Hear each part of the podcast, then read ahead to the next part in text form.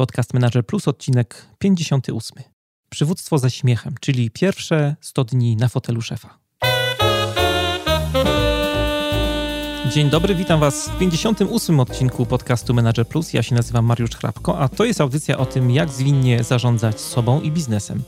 Jeżeli chcecie, żeby coś zmieniło się w Waszym życiu i czujecie potrzebę ciągłego szlifowania swoich umiejętności, zapraszam do słuchania moich audycji.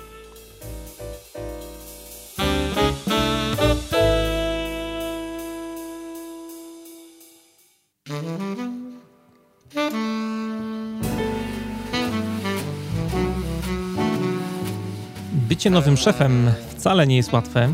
Przystosowanie się do tego nowego stanowiska pracy należy chyba do największych wyzwań świeżo upieczonego menedżera. No a prawda jest też taka, że w zarządzaniu jest trochę tak jak w polityce. Liczy się pierwszych 100 dni pracy, potem ten okres ochronny mija i pracownicy mają już najczęściej wyrobione zdanie na temat swojego nowego szefa. No to oczywiście nie pozostaje bez wpływu na postrzeganie jego roli w organizacji. W dzisiejszym odcinku zmierzymy się właśnie z tematem tych pierwszych dni na fotelu szefa. Od czasu do czasu piszecie do mnie w mailach i pytacie, na co zwrócić uwagę po awansie, jak się zachować wobec podwładnych, którzy wcześniej byli waszymi koleżankami, kolegami, jak uniknąć typowych wpadek. Na te pytania i wiele innych spróbujemy właśnie dzisiaj odpowiedzieć, a gościem programu jest Andrzej Śmiech, doświadczony doradca, psycholog biznesu. Polecił mi go Jacek Walkiewicz. To jest chyba wystarczającą zachętą do tego, żeby dzisiejszy odcinek wysłuchać. A notatki do audycji znajdziecie jak zwykle na stronie mariuszchrapko.com kośnik 058. No i co, polecam również odwiedzenie i polubienie mojego fanpage'a facebook.com kośnik Mariusz Hrabko. Tam na bieżąco możecie śledzić, co się u mnie dzieje. Plus e, publikuję tam dużo cennych inspiracji. Jak pewnie zauważyliście, od jakiegoś czasu też nie pojawiają się żadne wpisy na blogu, co y, bardzo jest bolesne dla mnie, pewnie dla Was też mam nadzieję. Podcasty na szczęście publikuję e, regularnie, no a wszystko dlatego, że ostatnio ostro pracuję nad swoim pierwszym produktem, który zamierzam sprzedawać pod e, swoją marką, a jest nim kurs internetowy Scrum Assistance, o którym pewnie część z Was już słyszałam. E, kurs jest dedykowany dla osób, które stosują Scrama od jakiegoś czasu e, w swojej codziennej pracy i potykają się przy okazji stosowania tej metody z różnego rodzaju barierami, problemami, które wiążą się z jej praktyczną implementacją w swojej pracy. Więcej na temat tego kursu na pewno opowiem w jednym z kolejnych odcinków podcastu. Mam już pewien pomysł, jak to zrobić. E, jeżeli ktoś z Was byłby zainteresowany wzięciem udziału, zachęcam do odwiedzenia strony internetowej kursu scrumassistance.pl, gdzie możecie zapisać się już teraz na listę oczekującą. Na pewno nic Was wtedy nie ominie. E, a zanim przejdziemy do poradnikowa, mam dla Was jeszcze jedną e, prośbę. Jak zwykle zresztą, jeżeli podoba Wam się ten podcast, to możecie mi trochę pomóc w jego rozreklamowaniu. We wpisie do audycji zamieściłem link do Manager Plus w iTunes, gdzie e, możecie zostawić swoją sympatyczną ocenę w formie gwiazdek lub krótkiej recenzji. To bardzo pomaga w docieraniu e, z podcastem do nowych słuchaczy. Ostatnio pojawiły się aż trzy nowe recenzje, za które bardzo, bardzo Wam dziękuję. Autorzy recenzji to Grzegorz Jurzysta, Grzegorz 155 i e, Maciek Przybyło. Wszystkich recenzji nie będę czytał, E, ale e, nawiążę tutaj do jednej, do Grzegorza Jurzysty, który napisał świetny podcast. Generalnie moje doświadczenia z podcastami jest raczej średnie. Nie udało mi się znaleźć nic, co by mnie faktycznie zainteresowało. Dopiero podcast Mariusza mnie naprawdę wciągnął. PS, kiedyś mieliśmy się okazję poznać na Perapryzalu w CMMI, ale to już było kawałek czasu temu, długo przed podcastami. E, tak, to były bardzo dawne czasy. E, Grześku, pamiętam cię doskonale. To były czasy, kiedy w Polsce też, e, zanim pojawiły się metody zwinne, był taki model CMMI, model, który był dość popularny w dużych organizacjach, model, który pomagał dużym firmom usprawnić ich procesy, pozwalał im się wznieść na różne poziomy dojrzałości. Było ich pięć. To była moja taka pierwsza przygoda e, z organizacjami, z rozwojem organizacji. Przygoda, której bardzo dużo zawdzięczam. Jeszcze przed e, Agilem teraz e, pomagam firmom wdrażać metody zwinne, przeprowadzać zwinne transformacje i myślę, że wielu rzeczy bym nie wiedział, o wielu rzeczach bym nie słyszał, nie był ich świadomy, gdybym właśnie z tym modelem nie miał do czynienia. Bardzo dziękuję za te Wasze głosy. I zauważyłem, że się strasznie rozgadałem dzisiaj na początku. A widzę, że jeszcze mam do zakomunikowania jedną rzecz, bardzo miłą zresztą dla mnie, myślę, że dla Was też. E, ostatni odcinek podcastu Kto lepiej zarządza z Kasią Pawlikowską, kobiety czy mężczyźni, e, został wybrany przez Was, przez internautów odcinkiem tygodnia, za co Wam bardzo, bardzo dziękuję. Za całą akcją stoi Borys Kozielski z podcasty Info. On jest na pewno dinozaurem polskiego podcastingu. Swoje pierwsze odcinki nagrywał już w roku bodajże 2005. No mnie wtedy się w ogóle nie śniło, że będę coś takiego robił. Wszystkich zainteresowanych akcją i nie tylko, także podcastami zapraszam na stronę podcasty.info, podcasty pisane przez K. Tam znajdziecie sporo informacji na temat tego, jak w ogóle zacząć przygodę z podcastingiem, jak wybrać sprzęt i wiele, wiele innych ciekawostek związanych z tym tematem. No a teraz już zapraszam do poradnikowa, w którym czeka Was trzecia część cyklu na temat produktywności, cyklu, którego autorem jest Dominik Juszczyk. Dominik opowiada o czterech filarach produktywności. Dzisiaj będzie filar trzeci. Bardzo Was zapraszam.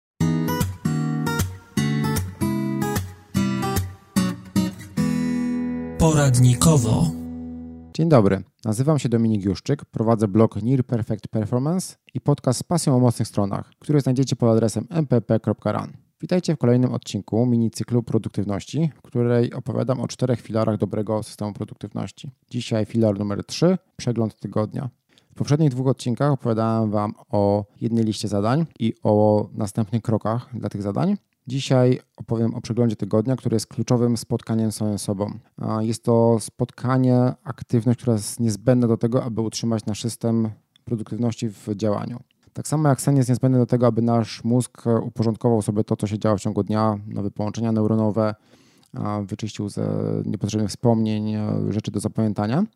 Tak samo przegląd tygodnia jest potrzebny do tego, aby wyczyścić, e, przygotować e, nasz system produktywności do następnego tygodnia. I bez tego spotkania, bez tego przeglądu utoniemy w zadaniach. Utoniemy w zadaniach, które są niepotrzebne, które są źle zdefiniowane, tworzy nam się chaos i bałagan. Przegląd tygodnia tak naprawdę nie jest niczym skomplikowanym. Składa się na niego kilka bardzo prostych kroków. Pierwszy krok dobrego przeglądu tygodnia to jest wyczyszczenie skrzynki spraw przychodzących.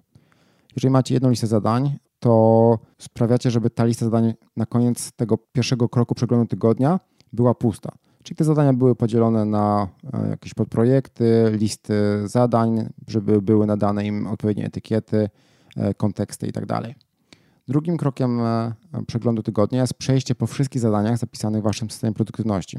Niezależnie od tego, czy używacie metody Davida Elena 1 do 1, w sensie, że używacie też projektów i zadań zdefiniowanych w projektach, czy macie jakiś inny system, warto przejść po wszystkich zadaniach i sprawdzić, czy te zadania dalej są, e, dalej są potrzebne, czy dalej te zadania macie wykonywać. Jeżeli nie, to usuwajcie zadania. Usuwanie jest bardzo dobrym sposobem utrzymywania systemu produktywności w dobrym działaniu. Przejrzyjcie zadania pod kątem tego, czy są dobrze zdefiniowane, czy są dobrze zapisane, czy wiecie, jaki jest efekt końcowy danego zadania, czy wiecie tak naprawdę, co trzeba zrobić w tym zadaniu.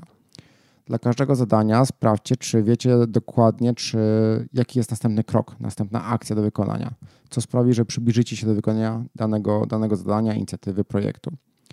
Jeżeli dane zadanie jest zbyt skomplikowane, to zróbcie z niego projekt z podzadaniami. To jest właśnie główne zadanie wasze, główna wasza aktywność w drugim kroku przeglądu tygodnia.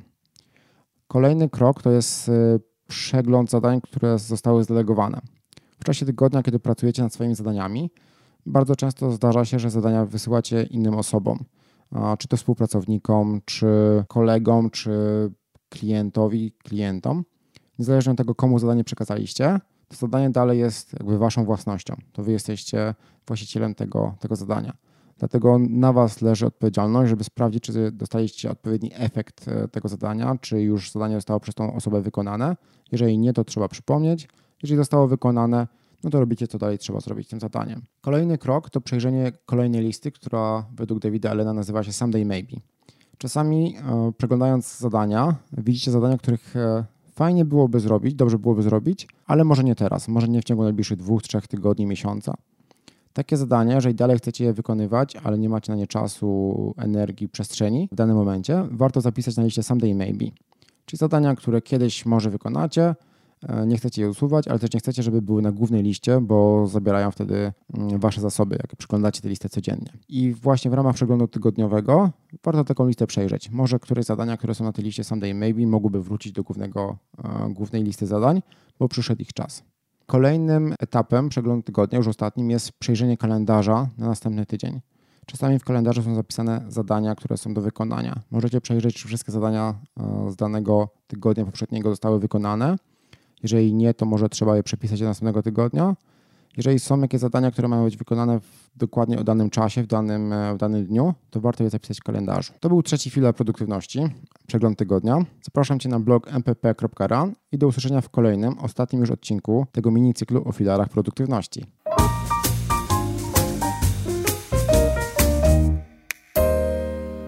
Rozmowa. To jest podcast Manager Plus. Dzisiaj w audycji będziemy rozmawiali o przywództwie ze śmiechem, a w studiu moim waszym gościem jest y, Andrzej Śmiech, właśnie doradca personalny i psycholog biznesu. Witam cię Andrzeju bardzo serdecznie. Dzień dobry Mariuszu, witaj. To może zacznijmy od takiego pytania, czy śmiech to zdrowie? Oczywiście, że tak, choć nie zawsze tak było. Także, także śmiech doszedł do zdrowia w pewnym momencie. A potrafisz się śmiać z siebie samego? E, nauczyłem się. Wiesz, to była długa droga. Zajęło mi kilkadziesiąt lat. E, w tej chwili myślę, że w większości tematów potrafię śmiać się z siebie, a w tych, których nie potrafię, to po prostu milczę. Mhm. Na co dzień zajmujesz się rozwojem osobistym. To jest taka bardzo popularna rzecz teraz w naszym kraju, bardzo modna, można powiedzieć. Ludzie lubią ten temat. Niektórzy mówią, że to takie fajne i przyjemne coś. Skąd bierze się taka e, ogromna popularność tych tematów rozwojowych? Co, ja mam takie wrażenie, e, mam takie wrażenie, że dzisiejszy świat, technologia powoduje, że pędzimy tak bardzo do przodu, że tak naprawdę nie mamy czasu na siebie, by znaleźć siebie. Więc, mhm. więc ten temat stał się coraz bardziej, coraz bardziej popularny, ponieważ pomiędzy tym, co, co jest tak ogólnie rozumiane jako sukces, a spełnieniem nagle zaczął następować pewien rozdźwięk, ponieważ e, bardzo często, mm, czy to w spotkaniach indywidualnych, czy w warsztatach, które prowadzę, pojawia się, pojawia się to pytanie, no dobrze, osiągnąłem sukces, zbudowałem firmę, sprzedałem firmę i i nagle czuję, że to nie jest e, to, e, co mi dam. Także, e, także wydaje mi się, że to się stąd bierze. Ludzie robią bardzo piękne kariery, szybkie kariery, mhm. A okazuje się, że poczucie spełnienia za tym, za tym nie nadąża. No i wtedy jeszcze jak to się ładnie tak połączy z kryzysem wieku średniego, czyli ponad, ponad 40 lat, gdzie osoba zaczyna sobie zadawać pytania, ale o co tak naprawdę w życiu chodzi, to, no to mamy gotową receptę na e, klienta na warsztaty rozwojowe. Wielu trenerów rozwojowych, ty też e, zresztą do nich należysz, mówi, że trzeba wychodzić poza schemat, poza taką swoją strefę komfortu. E, o co tak naprawdę w tym wszystkim chodzi? Co to znaczy wyjść poza schemat? Tak, to jest takie piękne hasło szkoleniowe. Wyjść, wyjść poza schemat. Aha. To, to już się utarło, wszyscy rzeczywiście o tym mówią. Natomiast samo wychodzenie poza schemat jest e, bardzo trudnym procesem, ponieważ w momencie, kiedy, e, kiedy się rozwijamy, my tworzymy pewne schematy poznawcze i w nich po prostu funkcjonujemy. To jest tak zwana strefa komfortu. Mhm w której działamy. To są na przykład e, sposoby, jakieś takie charakterystyczne myśli, sposoby funkcjonowania, sposoby odczuwania, kiedy znajdujesz się w, w trudnej, wymagającej sytuacji, mhm. które są dla Ciebie charakterystyczne. I teraz wyjście poza schemat E, to jest taka koncepcja, żeby, żeby to zmienić. No, a czasem potrzeba e, nawet traumatycznych przeżyć, żeby, żeby to zmienić, bo samo wychodzenie poza schemat nie jest takie proste, tym bardziej, że rodzice w zasadzie wzmacniają te schematy, które są w nas. Ja sam mam w tej chwili dwóch synów. Jeden ma 10 lat, drugi ma 6 lat e, i obserwuję też jego, ich kolegów i, i koleżanki no to rzadko kiedy zdarza się, że rodzic pozwala dziecku doświadczyć porażki mhm. i usiąść z nim porozmawiać o tej, o tej porażce. Porażka rozumienia nie jakieś takie wielkie tragedie życiowe, ale, mm, ale porażka, porażka na przykład w rozumieniu pójściu na egzamin, pójściu na test i nie zdaniu go.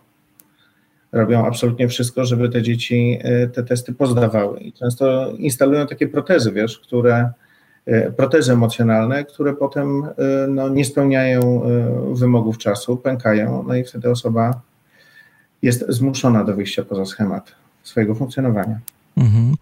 W swojej książce Refleksje ze śmiechem doczytałem się wielu różnych takich inspirujących rzeczy, ale e, jedna zwróciła na mnie uwagę i chciałem o nią zaczepić. Napisałeś, że tutaj cytuję, koncepcja work-life balance to taka zgrabna odpowiedź psychologów na krzyk rozpaczy tych, którzy tkwią w więzieniu swoich schematów i nie potrafią się z nich uwolnić. Mógłbyś to trochę rozwinąć bardziej? Tak, zapewne, zapewne zauważyłeś, ostatnio się stało niezwykle popularne bieganie i jak są różnego rodzaju maratony, biegi i tak dalej, to, to nagle, nagle cała Warszawa, bo ja tutaj jestem z okolic Warszawy, patrzę, cała Warszawa biega. Wszyscy, wszyscy się postują, że właśnie mieli bieg na 10 kilometrów, półmaratony i tak dalej, co jest zacne, co jest cudowne.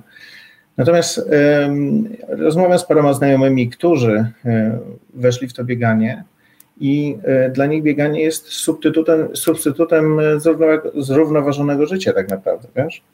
Czyli taką sytuacją, e, gdzie e, osoba nie radzi sobie ze stresem w pracy, osoba sobie nie radzi z napięciem w domu, zakłada buty i idzie biegać. I tam e, można powiedzieć, zabieguje ten stres, wy, wy, wybiega te emocje, wraca i, mm, no i teoretycznie wszystko jest ok, oczywiście do następnego biegu, bo Czasem w życiu jest tak, że pewne sytuacje wymagają rozwiązań systemowych, a nie takich e, doraźnych. Mhm. Bieganie, czy siłownia, czy, czy jakakolwiek inna e, forma realizacji sportowej siebie jest bardzo dobra i bardzo skuteczna, oczywiście pod warunkiem, że nie stanowi substytutu do pewnych, do pewnych rozwiązań, które powinny być wdrożone. Często osoby, które, e, które bardzo intensywnie pracują, e, które bardzo intensywnie e, pracują, a praca nie spełnia ich pragnień, ich oczekiwań, tylko na przykład zrobiły bardzo interesujące kariery, zaczynają zarabiać całkiem rozsądne pieniądze, mają pozycję zawodową, wchodzą w kryzys wieku średniego i widzą, że tak naprawdę to, do czego dążyły, to nie jest to, czego e, pragnęły od życia, to nie jest to, czego, e, czego chciały od życia i zaczynają skracać sobie czas pracy, bo nagle odkrywają, że na przykład rodzina, że, że znajomi, że realizowanie swoich pasji jest istotne.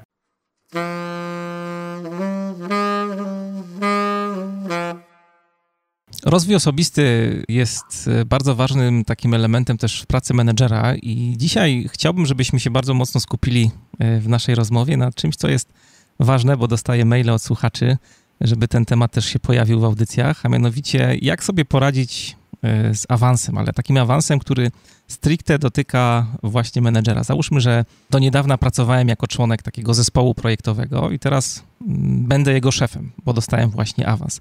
No sytuacja ekstremalnie trudna, bo mam zarządzać swoimi kolegami z zespołu. Na co powinienem zwrócić uwagę, wchodząc w taką e, nową rolę? Bo mówimy tutaj o takim awansie właśnie z wewnątrz, nie z zewnątrz. Mhm. To jest bardzo trudna sytuacja. To jest bardzo trudna sytuacja, bo człowiek nie jest istotą cyfrową, a zwykle awansy odbywają się cyfrowo, czyli wczoraj byłem jeszcze kolegą, a przychodzę do pracy, dostaję awans. Jestem, i szefem. Nagle, I nagle jestem szefem. 0, 1, prawda? Natomiast, natomiast, e, natomiast człowiek zmienia się analogowo i mam tutaj do czynienia z taką sytuacją, która nazywa się konflikt roli, wiesz, gdzie, gdzie kiedy dostaję awans i jeszcze prawdopodobnie nie jestem mentalnie w, w roli tego szefa, natomiast na, takie wymagania moich e, kolegów, którzy byli kolegami, a teraz są e, podwładnymi, natychmiast się zmieniają. Oni nagle oczekują, że ty będziesz się zachowywał jak szef, podejmował decyzje jak szef, zarządzał zespołem jak szef, ale z drugiej strony może się zdarzyć tak, że jest część osób, która w ogóle nie akceptuje ciebie jako szefa, tylko nadal chce traktować cię jako, jako kolegę. I to jest dość trudna sytuacja dla osoby, która została promowana, ponieważ ona tak naprawdę musi zadać sobie pytanie, zanim zostanie promowana, czy ona tego dla siebie chce. Myślę, że to jest bardzo ważna, bardzo ważna decyzja. Czy, czy, czy ja rzeczywiście chcę być e, e, tym szefem i czy ja chcę być szefem tego zespołu, do którego dostaję, do którego dostaję promocję. Jeżeli tak, no to um, z kilku rzeczy warto zdać sobie sprawę. Pierwsza, że od momentu, kiedy dostaję promocję, kiedy ta promocja jest ogłoszona, jestem na świeczniku. Czyli e, cały czas jestem obserwowany. Rzeczy, które uchodziły mi jako koledze, e, nie będą uchodziły mi jako szefowi. Takim bardzo prostym przykładem mogą być e, spotkania zespołu czy zebrania zespołu. Spotkanie jest na godzinę 10 i jeżeli ja sobie pozwoliłem na 2-3 minuty spóźnienia, przychodziłem 3 po 10, 5 po 10, no to wszystko było ok. E, koledzy przymykali oko. Natomiast teraz, jak jestem szefem, robię spotkanie na 10 i przychodzę 5 czy 10 po, no to bardzo często moi pracownicy zaczynają to interpretować jako mm, pewną pychę, mhm. jako, jako pewne takie przyzwolenie, że szefowi wolno, a wam nie wolno i tak, tego typu, wiesz, interpretacje, które no, zdecydowanie później wpływają na jakość e, zarządzania tym, e, tym zespołem. Kolejny punkt, który byłby istotny, to mm, to, że w momencie, gdy staje się menadżerem zespołu, to staje się przedstawicielem kadry zarządzającej i reprezentuje całą kadrę zarządzającą wobec tego zespołu, czyli reprezentuje decyzję zarządu, reprezentuję decyzję mojego przełożonego. Także, e, także to jest trudna sytuacja, bo nie zawsze zgadzam się z decyzjami mojego szefa, a muszę je mm, fejsować. Jest takie mm -hmm. piękne polskie słowo, czyli muszę. No, no Musisz do, być twarzakiem tych decyzji. Tak, jestem twarzakiem tych decyzji. To bardzo dobre słowo. To bardzo dobre słowo. No i wtedy, e, no i wtedy mm, mam wewnętrzny dylemat, często dylemat moralny, co zrobić, jak się zachować, no ale ponieważ jestem członkiem kadry zarządzającej, no to muszę o tym pamiętać. Jest takie podejście, które się nazywa mm, management by example, czyli y, zarządzanie przez własny przykład. Mogę stawać i głosić różnego rodzaju idee, opinie, pomysły, piękne hasła, natomiast zespół będzie przede wszystkim patrzył na to, jak się zachowuje i co robię.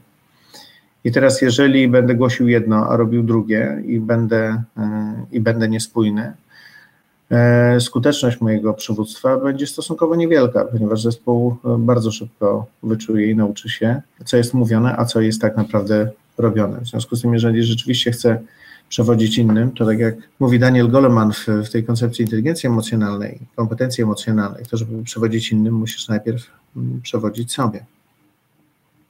Kolejna rzecz to pracownicy powinni y, tego menedżera tak naprawdę szanować, a dopiero potem lubić.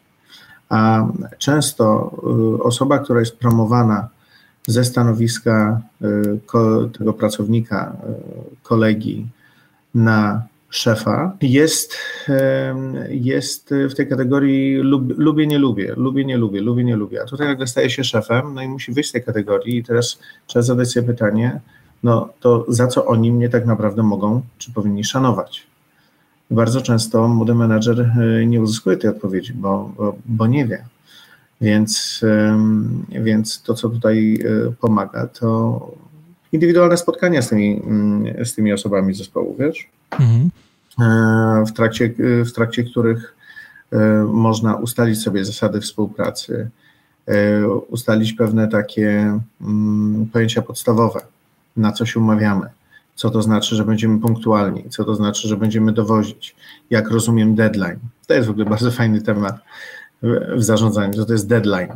Niektóre osoby y, deadline traktują jako wyzwanie, czyli jeżeli deadline jest mm, na 5 grudnia na godzinę 12, to przychodzi 5 grudnia godzina 12 i osoba zaczyna od stretchingu i zaczyna się zastanawiać, dobrze, to jak ja się tym wszystkim zajmę. I jednocześnie, i jednocześnie od razu piszę, że, że no niestety była strasznie zajęta, z deadline'em się nie wyrobi, ale jakby to przełożyć o tydzień, to wszystko będzie dobrze. Dla innych osób deadline to jest na przykład dowiezienie e, pracy w stanie surowym. Z tym też się spotkałem. Czyli e, do 5 grudnia do godziny 12 e, przesyłają jakiś projekt, no ale projekt y, jest w ogóle nieogarnięty, jest nie, nie, niedokończony. To jest, y, to jest w zasadzie draft konkretnego projektu, a dla niektórych deadline to jest taka sytuacja, że draft projektu jest zrobiony dużo, dużo wcześniej, a deadline to jest po prostu wszystko dowiezione na tip-top.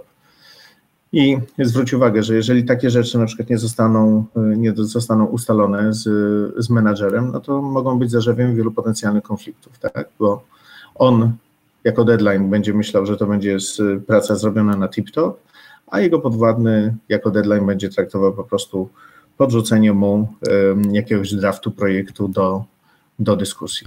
Czyli co, na początku taki menadżer powinien się spotkać z zespołem, tak jak y, mówisz tutaj, i ustalić takie podstawowe ramy y, działania, tak? Oczywiście, że tak. Oczywiście, że tak, ponieważ to jest nowy menadżer y, i jak nowy menadżer wchodzi do zespołu, no to zmieniają się, no dużo zasad funkcjonowania się po prostu zmienia. Także, także też, też warto, żeby on określił te swoje oczekiwania, wiesz, jakie są jego oczekiwania względem zespołu, jak się będą komunikować, na przykład jak będą sobie odpowiadać na maile, czy jeżeli ja wyślę maila, to oczekuję, że ty w ciągu tego samego dnia do mnie odpowiesz, czy masz 24 godziny na odpowiedź. Znam organizacje, w których e, maile potrafią przychodzić koło godziny 22, a oczekiwana odpowiedź jest na godzinę 8 rano. No tak. Także e, no tutaj nie mówimy już o żadnym work-life balance, tylko o jakimś, jakimś podejściu maniakalnym. Natomiast, natomiast są takie organizacje i, i, ludzie, którzy w nich funkcjonują. No też idziemy w takim kierunku niestety, że wielu szefów e, oczekuje od pracowników, że no, przez to, że używają smartfonów, że będą dostępni praktycznie cały czas. W weekendy, jak wysyłają maile, to oczekują, że będzie odpowiedź, no bo każdy ma telefon w ręce przecież i zawsze może zareagować. Y, są ta... takie pomysły, tak. są takie pomysły, ale w, powiem Ci nawet z własnego doświadczenia życiowego wiem, że moja żona nie ma do mnie dostępu 24 godziny na dobę, także, także, także tym bardziej szef myślę. Chciałem zapytać jeszcze a propos tego pierwszego punktu, o którym e, przed chwilą powiedziałeś, e, bo wspomniałeś, że taką pierwszą rzeczą, która się pojawia po takim awansie jest to, że no, szef nie może sobie pozwolić na pewne zachowania, które wcześniej były dozwolone, bo był kolegą czy koleżanką w, w zespole. E, tak. Czy powinno się jakoś zmienić nasze nastawienie do kolegów i koleżanek w zespole po awansie? Czy dalej powinniśmy być tacy friendly, czy nie? Tak jak powiedziałem, wydaje mi się, że, że to kryterium szacunku i lubienia jest tutaj istotne. Kiedy staje się szefem, staje się też płatnikiem e, ich wynagrodzenia. I o tym warto też, e, też pamiętać, że oni, e, oni czyli, czyli ten zespół, patrzą też z tej perspektywy. Zadają sobie pytanie, dlaczego jemu wolno, a mnie nie wolno. Mhm. Część żartów, które były zabawne, na przykład w męskim gronie. Jak weszła od czasu do czasu koleżanka do kuchni, no to to było potknięcie, tak? Natomiast jeżeli szef zaczyna żartować w taki sposób, no to może być mobbing. Także trzeba naprawdę bardzo uważać w momencie, gdy, gdy dostajemy awans i idziemy w górę, w górę struktury, bo no ilość, ilość takich zagrożeń percepcyjnych jest dużo, jest dużo większa. Mhm. To, co jest chyba jeszcze bardzo ważne, to Skoro jestem przedstawicielem kadry zarządzającej, to sobie zadać pytanie, czy prezes mojej firmy tak by się zachował? Albo czy prezes, którym ja chciałbym być, w ten sposób by się y, zachował? Mm, ja mam takie osobiste, bardzo dobre pytanie weryfikacyjne, które mi kiedyś y, jeden z moich znajomych powiedział. Czy zachowuje się tak jak szef, którego chciałbym mieć, gdybym był swoim podwładnym? I słuchaj, to jest bardzo fajne pytanie weryfikujące. Bo jeżeli twoje zachowanie nie jest takie, jakiego ty byś sam oczekiwał od szefa, to się tak nie zachowuj. Na wszelki wypadek warto się zachowywać przyzwoicie, bo nigdy nie wiadomo, wiesz, z kim masz do czynienia i, y, i kto obserwuje. A w dobie, y, tak jak powiedziałeś, dzisiejszych, y, dzisiejszych technologii, no to wystarczy, że jakąś głupotę napiszę w mailu, wyślę to do swojego podwładnego w formie żartu. Za chwilę to się może pojawić na fejsie z dostępem kilkudziesięciu czy kilkuset tysięcy no, osób. Dokładnie, tak. Także w takich sesjach executive coaching ja zawsze mówię e, najwyższej kadrze zarządzającej. Mail, którego piszesz, może jutro pojawić się w pulsie biznesu na głównej stronie. I czy czytając go, byłbyś dumny z tego, co napisałeś? No i powiem Ci, że to jest takie drugie pytanie weryfikujące do, do komunikacji, które bardzo dobrze, które ba, bardzo dobrze działa.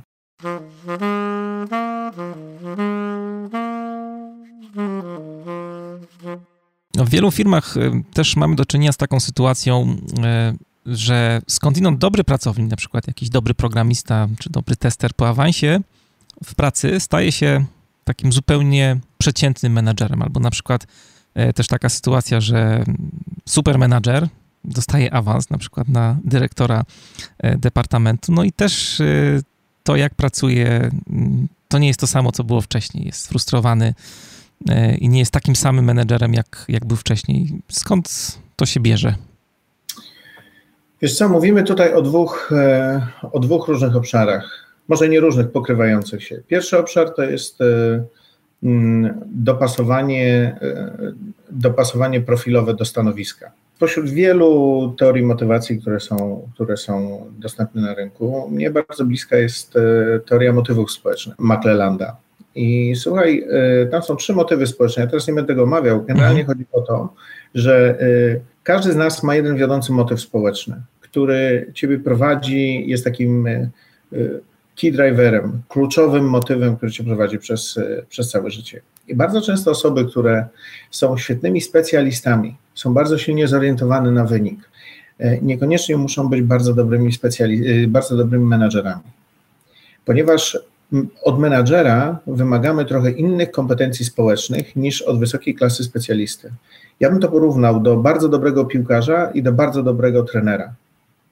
Zwróć uwagę, że z bardzo dobrego piłkarza może być bardzo kiepski trener, e, a z przeciętnego piłkarza może być na przykład bardzo dobry trener. Dlaczego? Bo ma odpowiednie y, takie kompetencje społeczne do rozwijania ludzi, do wdrażania ludzi, do motywowania osób osoba silnie zorientowana na, na rezultat bardzo często nie ma tyle cierpliwości i tyle, i tyle dystansu do y, celów, które wyznacza jej firma, by mm, osiągać cele y, swoim zespołem. W związku z tym to, co często robi, to po prostu, jeżeli zespół przestaje dowozić jej konkretne rezultaty, bierze coraz więcej na siebie, coraz więcej na siebie, coraz więcej na siebie, no i w pewnym momencie doświadcza po prostu wypalenia zawodowego. E, nie unosi ciężaru wszystkich obowiązków, no wiadomo, menadżer ma zawsze więcej do zrobienia niż sam mógłby niż sam uciągnąć. Tak, tak, tak, tak. W związku z tym, w związku z tym powinien zarządzać swoimi ludźmi, którzy będą to wszystko dowozić. Natomiast bez tych kompetencji tak naprawdę, tak naprawdę to jest bardzo trudne. I to jest jedna, i, i to jest jeden obszar, czyli dopasowanie profilowe, wiesz, czy, czy, czy profil osoby pasuje do profilu stanowiska. Drugie natomiast to są zdolności, y, zdolności rozwojowe, czyli potencjał rozwojowy konkretnej, y, konkretnej osoby. Mm, ja się z tym często spotykam na rynku. Świetny dyrektor oddziału, świetny dyrektor regionalny. Kiedy staje się na przykład dyrektorem sprzedaży, niestety nie jest w stanie udźwignąć tego zakresu odpowiedzialności. Wynika to bardzo często E, między innymi właśnie z tego, o czym rozmawialiśmy na początku, czyli ze strefy komfortu. On nauczył się bardzo sprawnie funkcjonować swojej roli, na swoim stanowisku, natomiast kiedy dostaje awans wyżej, to bardzo często kompetencje, które pomagały mu realizować swoje rezultaty, na przykład e, czy to na stanowisku dyrektora oddziału, czy na stanowisku dyrektora regionu, są teraz ograniczające w zarządzaniu całą siecią sprzedaży ponieważ żeby zarządzać całą siecią sprzedaży, potrzebujesz już trochę innych kompetencji. To, co y, wzmacniało cię na stanowisku dyrektora regionalnego, może tak naprawdę cię osłabiać w, y, na stanowisku dyrektora sprzedaży. Dlatego, dlatego niektóre osoby mm, nie są w stanie pożegnać się z częścią praktyk i nauczyć nowych, tylko tkwią będąc tak naprawdę mentalnie dyrektorem regionalnym na stanowisku dyrektora sprzedaży, no i niestety wyniki całej sieci wtedy zwykle cierpią na tym. Jest taka jeszcze jedna sytuacja, którą, e, o którą chciałem Cię zapytać, też niekomfortowa dla e, świeżo upieczonych e, menedżerów, ale zdarza się niestety często. Mianowicie to przekazanie władzy takiemu nowemu menedżerowi jest tylko połowiczny. No, na przykład ktoś mówi, że od jutra będziesz szefem projektu, ale budżet będę miał ja na przykład. Mhm. Albo y, zarządzaj zespołem, ale jeśli chodzi o zatrudnienie pracowników, zwalnianie, premie, to wszystko będzie po mojej stronie. Jak sobie z taką sytuacją taki świeżo upieczony menedżer powinien poradzić? To jest dość typowa sytuacja, bo... To jest typowa sytuacja, to jest typowa sytuacja, ja się z tym często spotykam, zresztą e, na LinkedIn napisałem cały artykuł na ten temat. Mhm. Takiego awansu nie powinno się wziąć, tak naprawdę, z tego względu, że jesteś odpowiedzialny za rezultaty, ale nie dostajesz narzędzi do generowania tych, do generowania tych rezultatów. No wyobraźmy sobie sytuację, że mamy nowego menadżera, natomiast jego szef czy jego szefowa decyduje o pensjach jego podwładnych. W naturalny sposób dla tych podwładnych on jest e, tylko i wyłącznie e, administratorem pewnych procesów, natomiast realnym szefem jest e, no, jego szef. Także tutaj ja bym poświęcił trochę więcej czasu na negocjację tego stanowiska. To jest to, gdzie widzę duży obszar rozwojowy dla niektórych, dla niektórych osób. no właśnie, bo sporo osób dostaje awans i praktycznie widzi w tym wielką szansę i bez żadnego zastanowienia się przyjmuje ten awans, a z tego, co mówisz, to też dobrze jest się zastanowić chwilę nad tym, czy faktycznie ten awans powinniśmy wziąć, tak? O, z tym awansem to jest, powiem Ci, bardzo ważna, e, e, bardzo ważna decyzja, ponieważ można sobie mm, zrobić całkiem niezłe kuku w, w karierze zawodowej jeżeli zaakceptujesz niewłaściwy awans. Wiele osób w ogóle na samym początku drogi, y, drogi zawodowej, czy na samym początku kariery, no, chciałoby się rozwijać, piąć, zarabiać większe pieniądze, ale w pewnym momencie warto zadać sobie pytanie, gdzie ja chciałbym tę swoją karierę zawodową skończyć? Na jakim, na jakim pułapie? Czy ja chciałbym być przedsiębiorcą, chciałbym mieć własny biznes, czy ja chciałbym być menadżerem najemnym, czy na przykład prezesem spółki, który, która, która, wykonuje, która wykonuje polecenia Rady Nadzorczej czy, czy cele Rady Nadzorczej. Y, to jest bardzo istotne pytanie, bo ono się wiąże właśnie między innymi z profilowaniem stanowiska, ale też z pewnymi decyzjami, które będę podejmował. I teraz, jak dostaję propozycję awansu, to trzeba sobie zadać pierwsze pytanie, czy ta propozycja awansu jest w zgodzie z moją ścieżką zawodową? Czy ona mnie rozwija, czy ona mnie nie rozwija. E, czy ona mnie rozwinie na tyle, że ja będę mógł e, czerpać później z tego benefity e, w, w swojej karierze zawodowej? Bo czasem tak jest, że skręcamy, czy to, czy to w jedną stronę, czy w drugą, po to, żeby zdobyć jakieś, jakieś doświadczenie. Natomiast warto to doświadczenie później inkorporować w to co, mm, e, to, co jest dla mnie najważniejsze, czyli w moją osobistą ścieżkę e, rozwoju. Więc jeżeli e, ta propozycja awansu wpisuje się, no to trzeba drugie pytanie sobie zadać. Jakie mam narzędzia do generowania, do generowania biznesu, do generowania celów? Czy ja jestem tylko i wyłącznie zatrudniony po to, żeby e, wykonywać polecenia mojego szefa w obrębie ograniczeń, które on mi daje i nie mam żadnej swobody, na przykład budżetowej, czy też negocjuję z nim konkretny budżet, a później to już ja jestem odpowiedzialny za dystrybucję tego budżetu, za zatrudnianie konkretnych podwykonawców. To, z czym się często spotykam w niektórych firmach, to to, że nawet jeżeli szef dostaje konkretny budżet, to potem ma bardzo ograniczony Y, wpływ na wybór wykonawców, bo się okazuje, że konkretne firmy mają listę swoich y, preferowanych podwykonawców, no, którzy często doprowadzają, czy do, doprowadzili do wyzwań, przed którymi nowy szef ma stanąć i na jakoś sobie z nimi poradzić. I to nie, nie, nie, zawsze, nie zawsze działa, więc, więc kilka z tych pytań warto sobie zadać, zanim tak naprawdę zaakceptuje propozycję awansu, bo ja mam takie powiedzenie, że wszystkie pieniądze mają swoją cenę. Hmm. I czasem możemy dostać y, dość interesującą propozycję finansową, no, która będzie się y, wiązała z bardzo poważnymi konsekwencjami. Kim jest dla ciebie lider? Kim jest lider? To takie proste pytanie w sumie jest, nie? A, proste pytanie, a jest, wiesz, niezwykle złożone. Dla mnie lider to osoba, która przede wszystkim potrafi przewodzić sobie. To osoba, która e, ma poczucie sensu i kierunku, w którym zmierza i e, tak prowadzi swoje życie, że y, ten wizerunek jest niezwykle pociągający dla innych osób które chcą za tym liderem podążać. Myślę, mhm. że tak bym lidera zdefiniował, wiesz. Tak e, celowo i świadomie cię zapytałem o, o, o bycie liderem, o definicję lidera, bo na swoim blogu napisałeś e, taką rzecz, że tutaj cytuję, rolą lidera jest tworzyć zespół, który przypomina wielosmakową sałatkę owocową, gdzie każdy owoc czuje się indywidualnością, jednak wszystkie razem smakują o niebo lepiej. Bardzo ciekawe i soczyste porównanie. I chciałem tutaj zapytać, jak lider może zadbać o to właśnie, żeby każdy taki pracownik czuł się jakoś szczególnie w zespole, czuł się taką mhm. indywidualnością. No właśnie, ten wizerunek lidera, który jest taki pociągający, zwróć uwagę, on przyciąga konkretne osoby, ponieważ strasznie trudno jest stworzyć lidera wszystkich osób. Nie wiem, czy zwrócić uwagę, no, że są. Chyba się nie da. Nie da, nie da, prawda? Że są, że, że są pewne wizerunki, są pewne osoby, które są niezwykle pociągające dla konkretnego typu osób, a dla innych e, osób są to mm, te wizerunki troszkę takie no, odpychające. Trochę tak jak z magnesem, że wiesz, część przyciąga, a część, a część odpycha. I tutaj y, zadaniem lidera tak naprawdę jest budowanie na różnorodności. No bo y, jeżeli lider potrafi wokół siebie stworzyć zespół ludzi, którzy za nim, e, którzy za nim chcą, chcą podążać. I oni wszyscy chcieliby być tacy, tacy jak on, i wszyscy by byli do siebie podobni, to mm, prawdopodobnie czegoś by nie widzieli mm, w tak złożonej e, rzeczywistości, w której funkcjonujemy.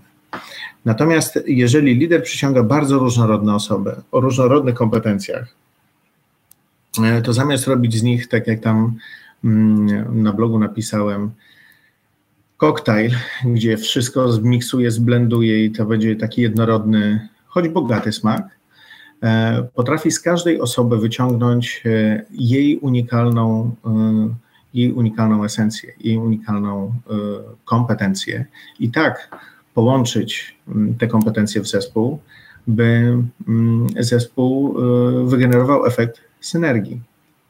A to jest moim zdaniem już połączenie zarówno wiedzy, jak i E, jak i sztuki. No ale z tego, co mówisz, czy to takie szczególne podejście do pracownika przekłada się później jakoś na takie różne style zarządzania tego lidera? No właśnie. E, to nie tylko się przekłada, tylko tak naprawdę mm, to, czym style zarządzania są, one są jednym, jednym z narzędzi zindywidualizowanego podejścia do konkretnych, do konkretnych osób.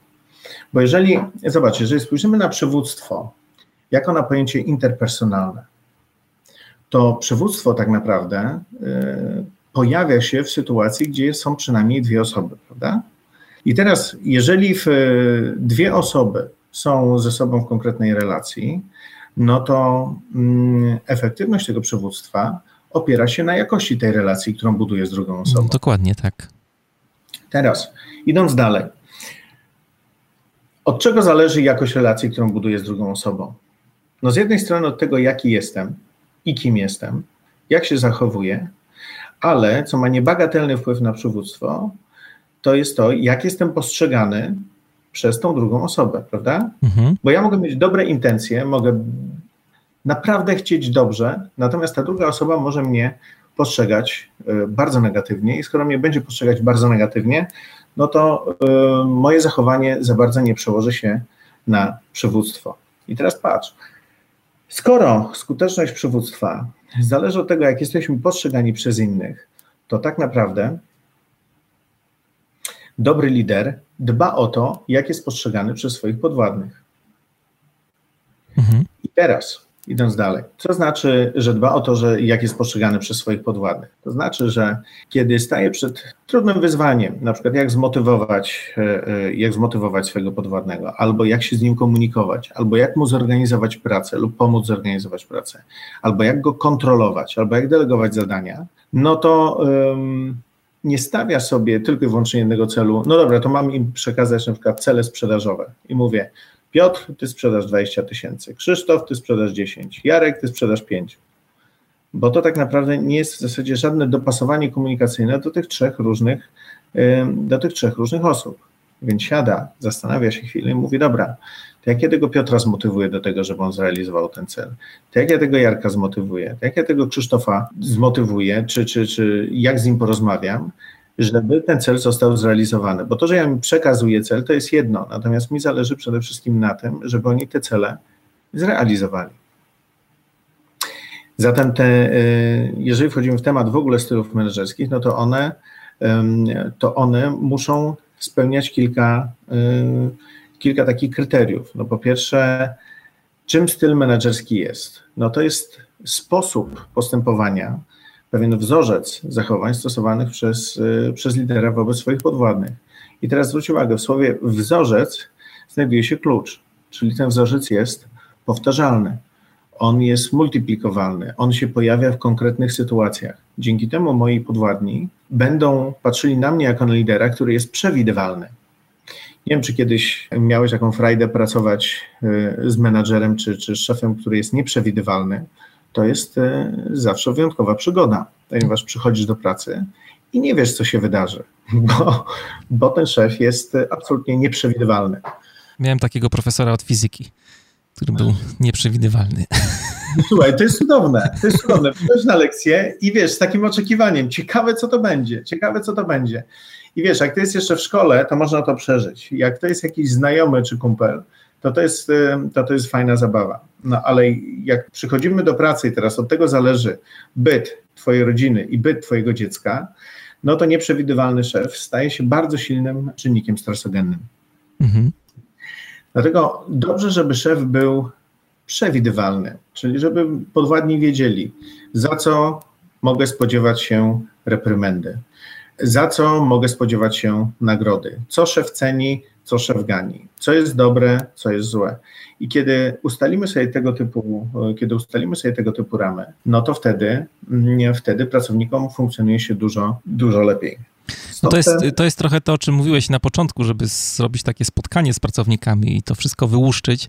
Mnie się przypomina y, taka książka Psychologia szefa. Szef to zawód. I tam tak, jest taka, tak. taka technika, która się nazywa expose szefa. To mniej więcej jest to, to, o czym teraz mówisz, tak mi się skojarzyło. Mhm. Czyli żeby mhm. na początku właśnie powiedzieć, za co będziemy nagradzać, za co będziemy karać, tak, używając sankcji, jakie mhm. są moje oczekiwania właśnie względem pracowników. Tak. I też w jaki sposób i w jaki sposób to będziemy robić. A wracając tutaj, jeżeli pozwolisz do tych, do tych stylów, to kiedy, mm, kiedy pracownicy wiedzą, że za to jestem karany, za to jestem nagradzany. Y, zwróć uwagę, że kiedy już zabierają się, robią pierwszy krok do wykonania konkretnego zadania, to mogą spodziewać się konkretnego wzorca zachowania ze strony y, szefa. Czyli jeżeli wykonuję dobrze pracę, to jestem, y, to jestem chwalony. Jestem chwalony w konkretny sposób. Jeżeli pojawiają się problemy, no to jak szef reaguje na problemy? Czy szef reaguje na problemy lękiem, strachem, frustracją, złością, czy podchodzi do tego w sposób na przykład konstruktywny, prawda? Mhm w jaki sposób e, szef reaguje na absencję w pracy i tak dalej, i tak dalej. I teraz, jeśli mówimy o stylach menedżerskich, to jest kilka różnych podejść, e, z którymi ja się spotkałem. Jedno to są te, to sytuacyjne zarządzanie Blanchard'a. To, co jest mi bardziej bliskie, to jest, e, to jest model stylów wypracowany przez Harvard Business School między innymi Daniela Golemana właśnie i, i, i wzorzec inteligencji emocjonalnej, który zakłada sześć podstawowych, sześć podstawowych stylów, e, stylów menedżerskich. I te style są dostosowywane, wiesz, do konkretnej nie, sytuacji, e, do trudności zadania, do doświadczenia zespołu, do e, poziomu ekspertyzy lidera, ale też poziomu ekspertyzy członków zespołu, do dostępnych zaso zasobów, czy też konkretnej presji konkretnej presji czasu. I w zależności od tego, jaki styl zarządzania szef zastosuje w konkretnej właśnie sytuacji do konkretnej osoby, może wygenerować ten pracownik konkretny rezultat, e, na który, na który szef by oczekiwał. No ale te style e, działają w ten sposób, że nie wiem, jeśli jakoś miesza, czy, czy na przykład jeżeli ja jestem osobą zawsze jak sięgam e, pamięcią do pracy etatowej, to bardzo lubiłem szefów, którzy dawali mi konkretne cele, ale ja byłem odpowiedzialny za realizację. Nie lubiłem szefów, którzy mówią mi krok po kroku, jak mam pewne rzeczy wykonywać. No, mhm. przypuszczam, że to będzie jeden z takich stylów właśnie menedżerskich, o których mówisz. I teraz, czy zawsze tak. menadżer powinien e, tak do mnie podchodzić, żeby dawać mi cele, czy, czy można, nie wiem, przeskakiwać ze z takiego stylu no nie wiem, autonomicznego, czy tam pewnie się to jakoś odpowiednio nazywa na taki styl, gdzie szef mi konkretnie mówi krok po kroku, co ja mam zrobić w związku z konkretnym zadaniem, e, które dostaję. Mhm. Już mówię. To jest ciekawa w ogóle dyskusja na temat stylów menedżerskich, wiesz, bo rozmawiałem ostatnio z jednym z moich klientów i on mówił, że do tej, przed spotkaniem ze mną myślał, że styl menedżerski to jest y, pewien charakterystyczny sposób funkcjonowania szefa w organizacji.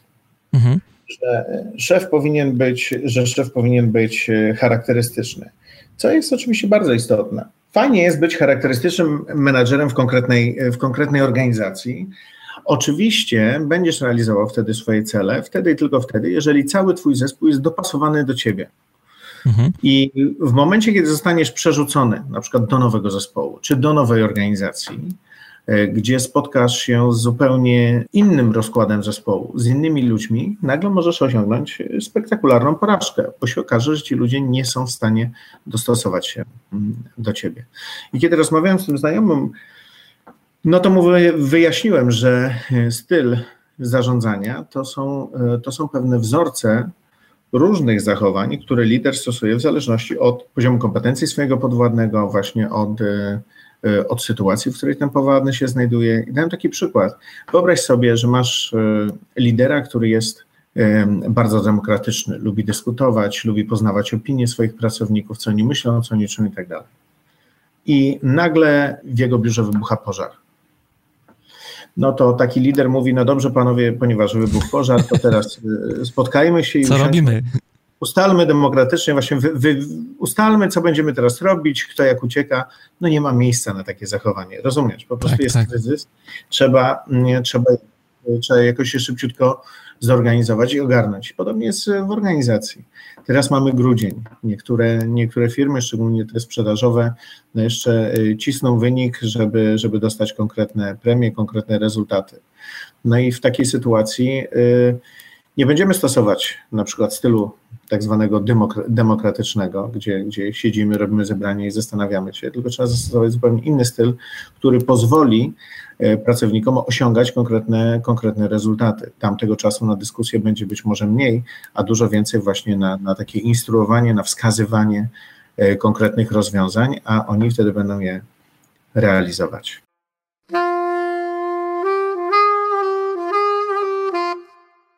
Ty oprócz takiej działalności, o której tutaj cały czas rozmawiamy, która dotyczy pracy z klientem, z firmami, e, z liderami, z zespołami, prowadzisz e, takie bardzo ciekawe warsztaty, które się nazywają bariery ze śmiechem. Tak. Mógłbyś powiedzieć coś więcej, co tam robicie na tych warsztatach? Na tych warsztatach, tak. Słuchaj, to jest w ogóle pomysł, z którym ja chodziłem przez, e, przez ponad 7 lat tak naprawdę, bo kiedy e, prowadzę e, programy rozwojowe e, dla firm, czy, czy programy właśnie takie rozwoju osobistego w postaci executive coachingu, to mm, zobaczyłem, czy spotkałem się z wieloma osobistymi barierami, z którymi ludzie nie mogą sobie poradzić i które naprawdę blokują ich nie tylko zawodowo, ale właśnie też, ale też życiowo. I mm, postanowiłem stworzyć program, który pomógłby osobom w bardzo bezpiecznym, w bardzo bezpiecznym środowisku, poza właśnie tym takim konstruktem zawodowym, przełamać się osobiście w kontaktach z innymi, w kontaktach z innymi ludźmi. E, spróbować zdiagnozować sobie, co mnie tak naprawdę blokuje w relacjach z innymi. No i wypracować skuteczne e, strategie postępowania, które pomogą później e, w realizacji osobistej misji, osobistych celów, swoich marzeń i pragnień tak naprawdę. I powstał taki program. Ja go realizuję w tej chwili e, już od maja tego roku i szkolenia odbywają się w zasadzie w całej Polsce, a bardzo ciekawie się rozwija.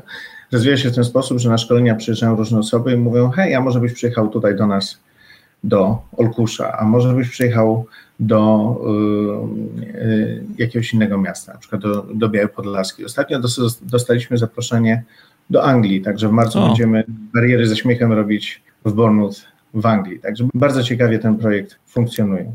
No nazwa, jest, nazwa jest taka bardzo dwuznaczna, jak e, przeglądałem internet na początku, bo dostałem namiary, tak jak ci mówiłem, do ciebie od Jacka Walkiewicza, tak, tak, nie znałem ciebie i w ogóle jakoś nie pokojarzyłem, że chodzi o nazwisko i tak się zastanawiałem, o co chodzi z tym śmiechem, bo tam też było przywództwo ze śmiechem.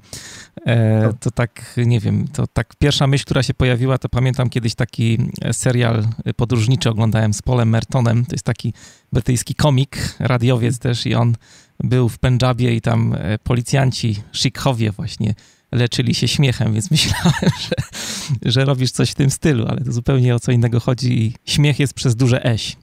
Śmiech jest przez duże eś, ale też te bariery, tak naprawdę wiesz, jak y, spojrzymy na swoje osobiste bariery z perspektywy czasu, to, y, no to się śmiejemy. Jest nawet takie piękne polskie powiedzenie, za jakiś czas będzie się z tego śmiał. Mhm. Więc ja się pytam, skoro za jakiś czas się będzie śmiał, to czemu nie zacząć teraz? I, te, y, i y, te warsztaty są właśnie prowadzone z dużym dystansem, z, dużą, z dużym elementem um, takich historii osobistych, ale też pozwalają uczestnikom tych warsztatów stać się tak naprawdę podmiotem szkolenia. Ja jestem bardziej takim facylitatorem pewnych, pewnych ćwiczeń, pewnych procesów, które tam, y, które tam zachodzą. Mhm. Podlinkujemy w materiałach e, filmik e, z reklamą tych warsztatów, bo E, wygląda to bardzo zachęcająco. Zapisać się można przez Twoją stronę andrzejśmiech.com czy przez jakąś inną? Tak jest, tak jest. Można zapisać się przez stronę andrzejśmiech.com. Można też wejść na e, fanpage Andrzej Śmiech i tam, e, i tam pojawiają się wszelkie informacje dotyczące warsztatów, a także inspiracje na temat życia. Tak, bo to są warsztaty w zasadzie dla wszystkich, z tego co tam widziałem. To nie jest tak, że tak. to muszą być menadżerowie czy liderowie akurat konkretnie, tylko każdy w zasadzie, kto komu każda ważny osoba. jest swój rozwój, tak. to może się tam pojawić. Ka każda osoba, tam napisaliśmy w wieku między 25 a, 50, y, a 55 lat, czyli osoby, które, które już troszkę doświadczyły y, siebie w życiu, zaczęły się pojawiać jakieś, wiesz, pierwsze takie wpadki życiowe, dylematy y, mhm. życiowe. To jest bardzo dobre, ba bardzo dobre miejsce, żeby się spotkać i nad tym, i nad tym popracować. Tak na koniec chciałem cię jeszcze zapytać e, o jakąś lekturę, którą ostatnio czytałeś, a która mogłaby się przydać menadżerowi plus. Masz coś takiego na celowniku? Menadżerowi plus. Słuchaj, jest bardzo fajna książka, skoro wspomniałeś o, e, skoro wspomniałeś o tych pierwszych studniach menadżera. Aha. E, to jest książka pod tytułem Big Boss. Big Boss. Pierwsze, pierwsze 100 dni na fotelu szefa bardzo fajnie napisana dla y, wyższej kadry menedżerskiej, ale rzeczywiście, rzeczywiście bardzo, y, bardzo taka narzędziowa i dla osób, które dostają promocję, zastanawiają się, co zrobić, to, y, to polecam tę książkę. No i polecamy też refleksję ze śmiechem. Andrzeja, to jest książka taka bardziej właśnie też do medytacji niż do czytania, ale takie bardzo lubimy, bo jest tam dużo cennych takich myśli. E, wszystko jest oprawione zdjęciami ładnymi, więc e, można się dodatkowo zainspirować. To jest podcast Manager Plus. Dzisiaj moim i waszym gościem był Andrzej Śmiech, doradca personalny i psycholog biznesu. Andrzeju, wielkie dzięki za dzisiejszą rozmowę. Bardzo dziękuję. E, a na koniec trochę cygańskich rytmów. I will see you in my dreams. Trzymajcie się i do usłyszenia.